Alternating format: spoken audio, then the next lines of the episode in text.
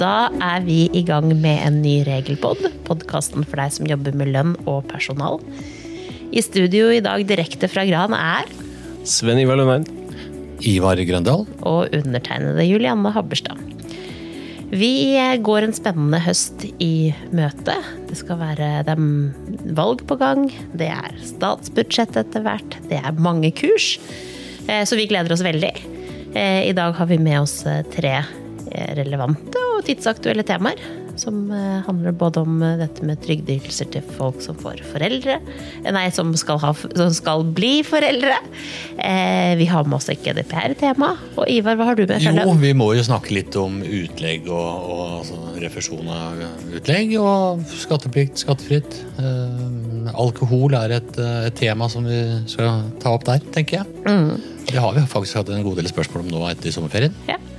Eh, De temaene som vi snakker om i dag, de har vi eh, skrevet artikler om, som ligger på eh, Visma Community. Der går det an å logge seg inn og lese, oppfriske det som vi snakker om, og så komme litt sånn dypere ned i, i disse temaene.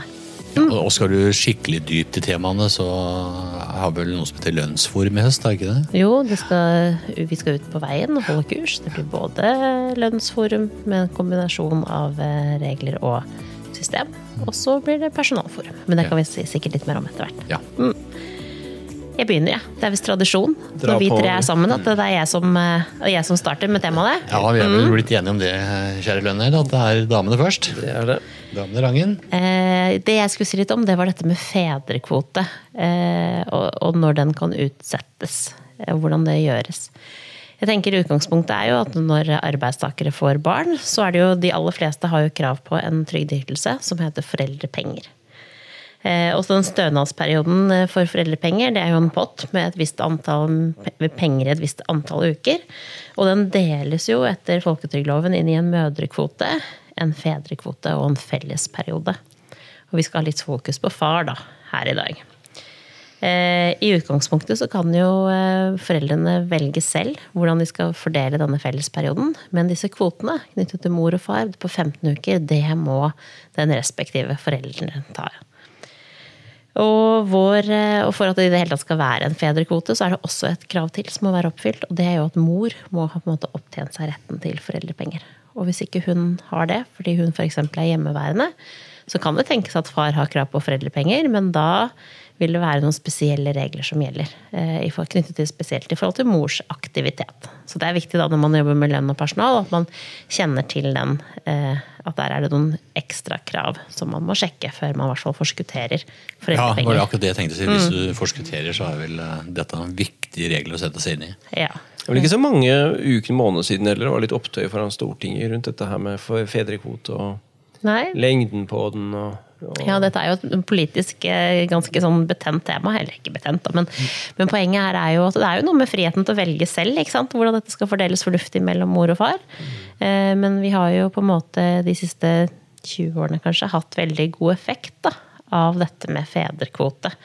Eh, Og det viser seg jo eh, at det er jo den mest effektive måten å faktisk få far på banen hjemme. Mm. I barnets første leveår. I barnets første leveår. Men det er klart, det er, jo en, eh, det er jo strenge regler. Og det er jo veldig veldig vanskelig å få det overført fra far til mor. Sa du hvor mange uker eh, Jeg sa det var 15. 15, ja. Mm. Men det er greit å vite, for det er et poeng. ikke sant? At den fedrekvoten den endres jo eh, ganske, ganske ofte. Den Mm.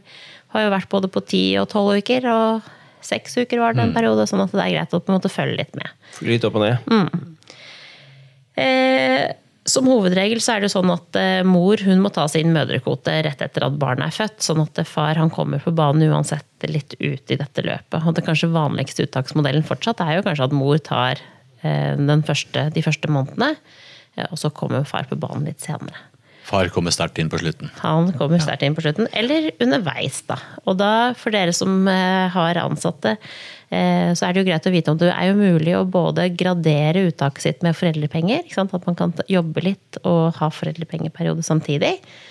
Eh, Og så kan man også utsette foreldrepengeperioden eh, i perioder. Eh, Sånn søknad om utsettelse og gradering det er noe som far må gjøre selv eh, på et søknadsskjema til Nav. Og det man har gjort innen siste dag i denne såkalte fellesperioden. Mm. detaljene rundt dette det kan dere lese mer om på Community. i artikkelen vår der. Er bare, jeg skulle bare tenkt å bare nevne én ting til før jeg gir ordet til deg, Ivar. og det er at det, det er den ansatte selv som søker om disse med fleksibelt uttak da, i forhold til gradering og utsettelse. Eh, og det ble gjort en endring her. for i, i, våres så var det jo sånn at arbeidsgiver måtte bekrefte dette på inntektsmeldingen. Men det har man jo nå gått bort ifra.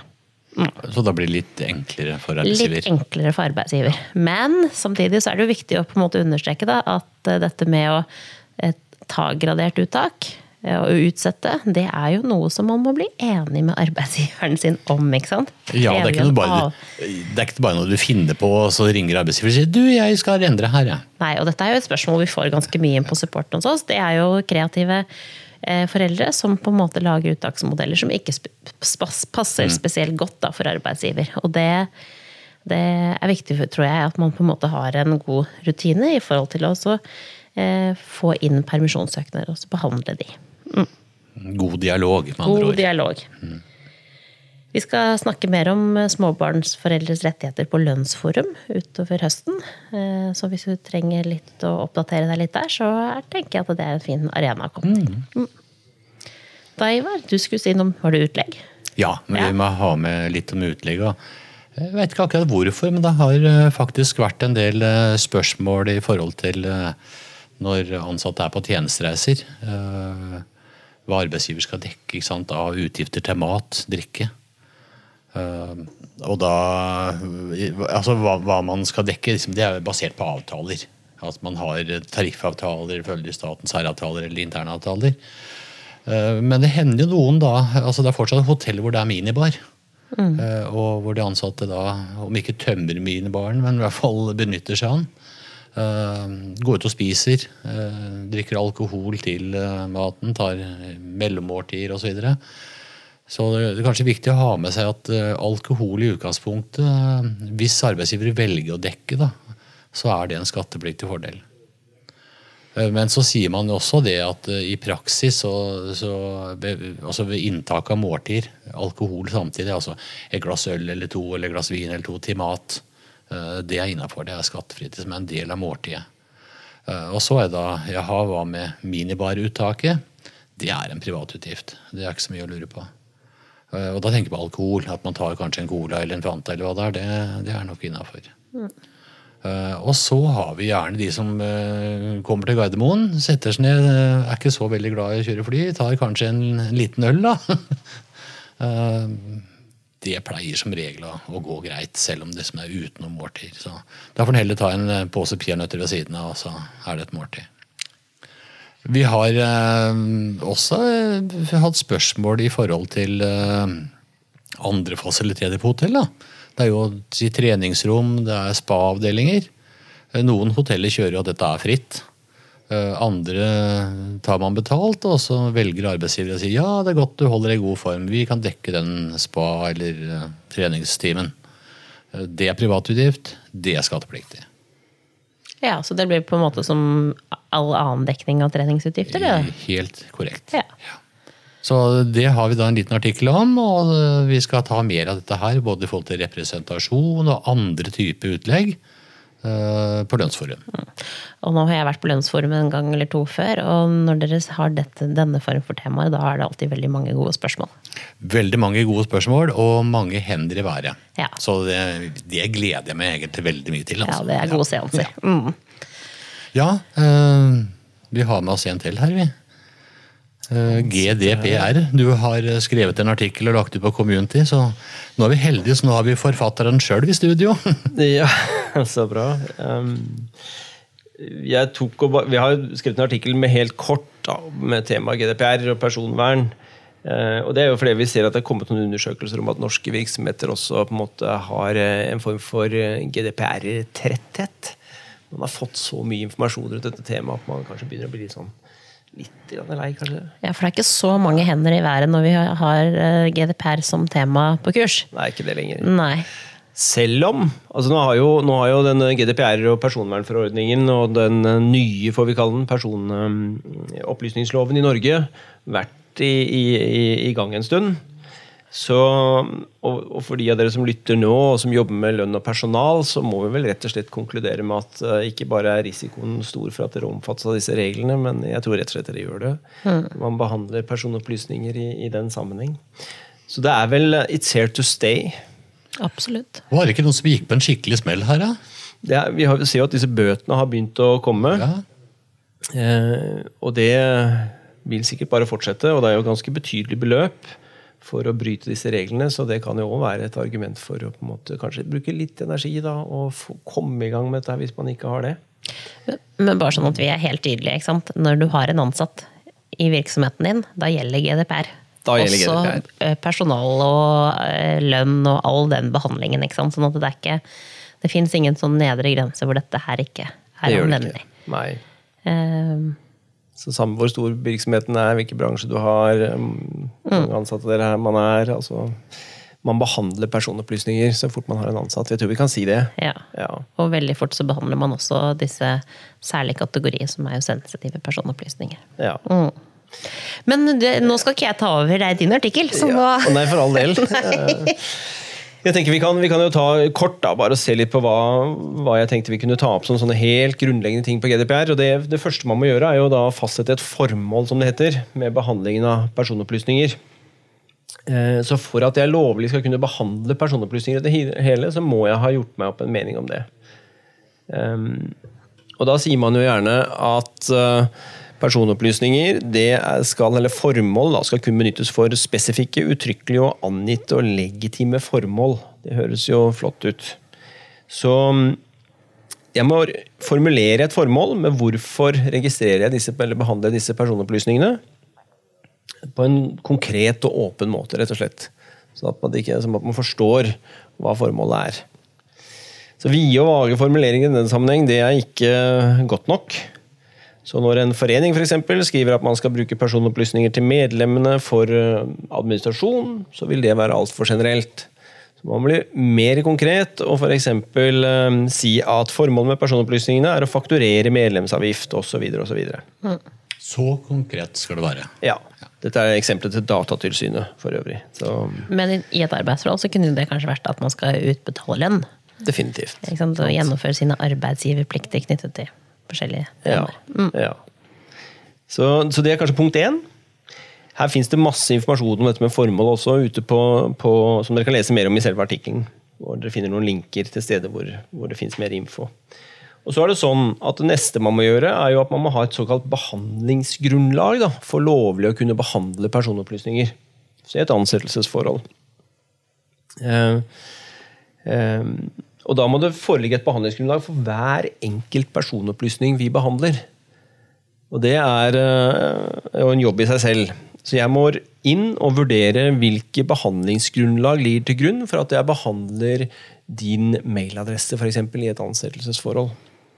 Og De aktuelle behandlingsgrunnlagene vi har, det er jo flere. Og Da har vi samtykke. Og Julianne, Er det et godt uh, grunnlag i et arbeidsforhold? Nei, altså utfordringen med et samtykke da, det er at det skal jo være frivillig og fritt avgitt og kan trekkes tilbake på et hvilket som helst tidspunkt. Litt sånn rundt formulert. Ja. Og det sier seg jo selv da at det, eh, det er ikke veldig praktisk for en arbeidsgiver å bruke et behandlingsgrunnlag som kan trekkes tilbake hele Nei. tiden.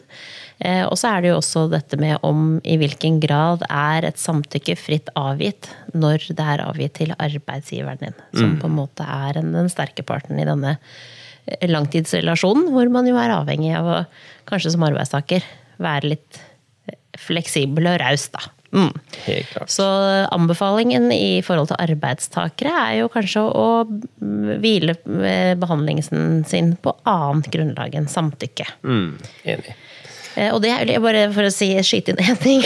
Vi har jo på en måte vært borti noen virksomheter hvor man har hatt eh, kanskje hvor markedsavdelingen og salgsavdelingen har vært de som på en måte har hatt GDPR-hatten på og laget rutiner. Mm. Og i de virksomhetene så ser vi ofte at man også på personalsiden har på en måte brukt samtykke veldig mye som, som behandlingsgrunnlag. Og det tenker jeg er eh, det er unødvendig risiko, fordi at man har antageligvis andre behandlingsgrunnlag.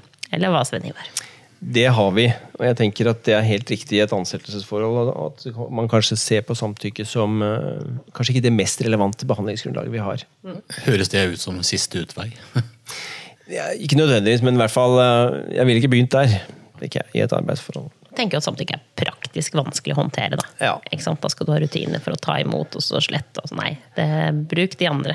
Man kan jo reise spørsmål om hvor lenge et samtykke varer. Man må ha jevnlig rutine for å følge opp det. ikke sant? Og, og ja. Nei, et annet samtykke, da. Det er jo dette man Et annet behandlingsgrunnlag. Ja, et annet behandlingsgrunnlag, godt sagt. Eh, er jo dette med at det er nødvendig for å oppfylle en avtale.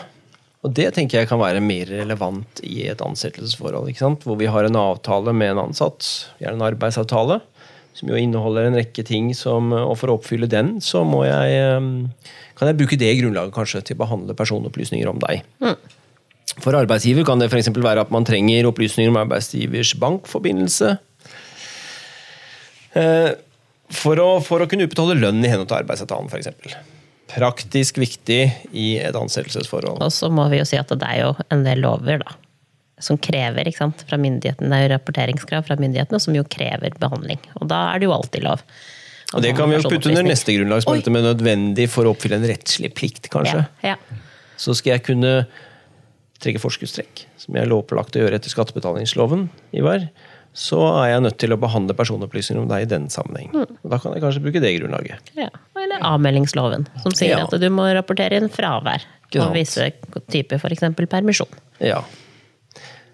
Så har vi et grunnlag, eh, behandlingsgrunnlag som man kaller for dette, at det er nødvendig for å beskytte det man kaller vitale interesser. Men det er såpass snevert at det må handle om liv og død, gjerne. Eh, Sånn at den lar jeg ligge. Men den fins nå der. Og så har vi denne der man snakker om at det er nødvendig for å ivareta såkalt legitime interesser, altså denne interesseavveiningen, hvor vi ser på arbeidsgiverens behov for å behandle disse personopplysningene opp mot den ansattes personvern, rett og slett. Og Det blir en øvelse for arbeidsgiver å gjøre, men som kan være et praktisk relevant grunnlag å benytte. tenker jeg. Hvor man skal se på denne balansen mellom disse to tingene. Og En rekke momenter er aktuelt å titte på. Eh, Så det er en eh, kjapp oversikt over behandlingsgrunnlag. Så har vi eh, Neste punktet er jo dette med at man også plikter som ansatt å informere kort og forståelig. Eller som arbeidsgiver, unnskyld. Eller som behandler av personopplysninger. At man skal informere kort og forståelig. Slik at man behandler personopplysninger på en åpen måte, kaller man gjerne det. Og dette er vi også kjent med eh, som brukere av internett og nettbutikker og den type tjenester. er jo en personvernerklæring som har hoppet opp, og som man må akseptere. At man har lest, eller at Ja. man viser til at man har lest den. En personvernerklæring, som er et begrep som sikkert de fleste har hørt om, er jo en fin måte, kanskje, eller det man bruker ofte når man skal eh, informere en enkeltperson, gjerne, om hva man behandler. Og poenget er at mange man kan jo også bruke det i forhold til ansatte. ikke sant? For de samme kravene gjelder jo når man, skal, når man behandler personopplysninger om de ansatte, er at de skal få informasjon på lik måte. Som om man er en kunde i en nettbutikk. Ja. egentlig. Så der har vi en jobb å gjøre. Ja, det tror vi. Ja. At det er mange som har den jobben å gjøre. Ja. Så her fins det masse stoff her også, både i selve forordningen og, i, så, og hos Datatilsynet f.eks., som man kan lese i forhold til sånn, denne informasjonsplikten. Eh, dokumentasjon er jo et stikkord her. Viktig for arbeidsgiver. Man må kunne dokumentere som bedrift at man behandler personopplysninger eh, på og hvordan man behandler det, i form av eh, i overensstemmelse med kravene til GDPR, da, rett og slett. Eh, Og at det er gjennomført de tiltak som skal til for å sikre de personopplysningene som ligger på virksomhetens IT-system, f.eks. Mm. Og det er en sånn risikovurdering man gjerne tilnærmer seg denne måten å gjøre det på. Og her har jo Datatilsynet en egen side med masse hjelpemidler til type maler og dokumentasjon som man skal bruke. Og hvis man nå skulle være så heldig skråstrek uheldig å få et tilsyn rundt dette med GDPR, så er jo dette det første de vil be om. Gjerne. Ikke sant? Du må dokumentere skriftlig gjerne hva du har eh, rundt dette med personvern. Ja. Veldig, veldig viktig. Men der er det altså et verktøy ute på Datatilsynets sider som man kan titte på og ta utgangspunkt i, selv om de må tilpasses det konkrete. Og så har jo vi laget en personvernhåndbok som man kan bruke for å dokumentere akkurat dette Ja. eh, i bedriften sin.